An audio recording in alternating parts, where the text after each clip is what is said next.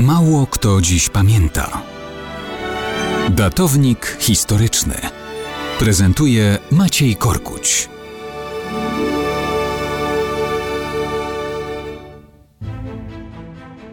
Mało kto dziś pamięta, że jutro minie okrągła 75. rocznica smutnego finału walki o wyrwanie z łap gestapo bohaterskiej dziewczyny Stanisławy z Barwiczów Daneckiej, pseudonim Wierna.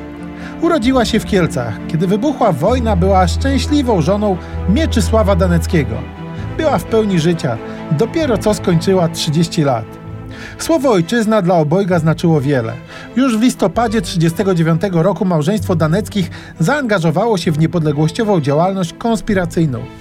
W 1940 roku organizowali komórki Tajnej Armii Polskiej, która w lipcu 1941 weszła w skład podziemnego wojska. Wtedy to był jeszcze Związek Walki Zbrojnej. Potem dopiero przemianowany na Armię Krajową. Ona była łączniczką, kurierką i kolporterką tajnej prasy. Mąż jako oficer z czasem czuwał nad łącznością radiotelegraficzną Inspektoratu Miechowskiego Armii Krajowej. Wiosna 1943. Miechowskie gestapo łamie torturami jednego z pojmanych konspiratorów. Próbują aresztować Daneckiego bezskutecznie, jednak w ich łapy wpada jego młoda żona. Stasia poddana jest morderczym torturom.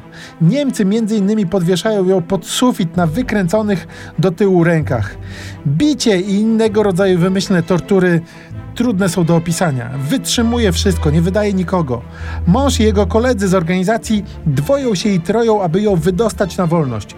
Uzgadniają z lekarzem więziennym, że ten potajemnie podaje proszek wywołujący gorączkę i objawy tyfusu. Kiedy ją przewiozą do szpitala więziennego, żołnierze AK przygotują odbicie. Niestety, proszki okazują się zbyt słabe, wywołują stan podgorączkowy, ale śladów tyfusu nie ma. Na Niemcach to nie robi żadnego wrażenia. Akowcy przygotowują nową próbę, ale nic z tego. Wymęczona gestapowskimi torturami, dziewczyna umiera 7 kwietnia 1943 roku.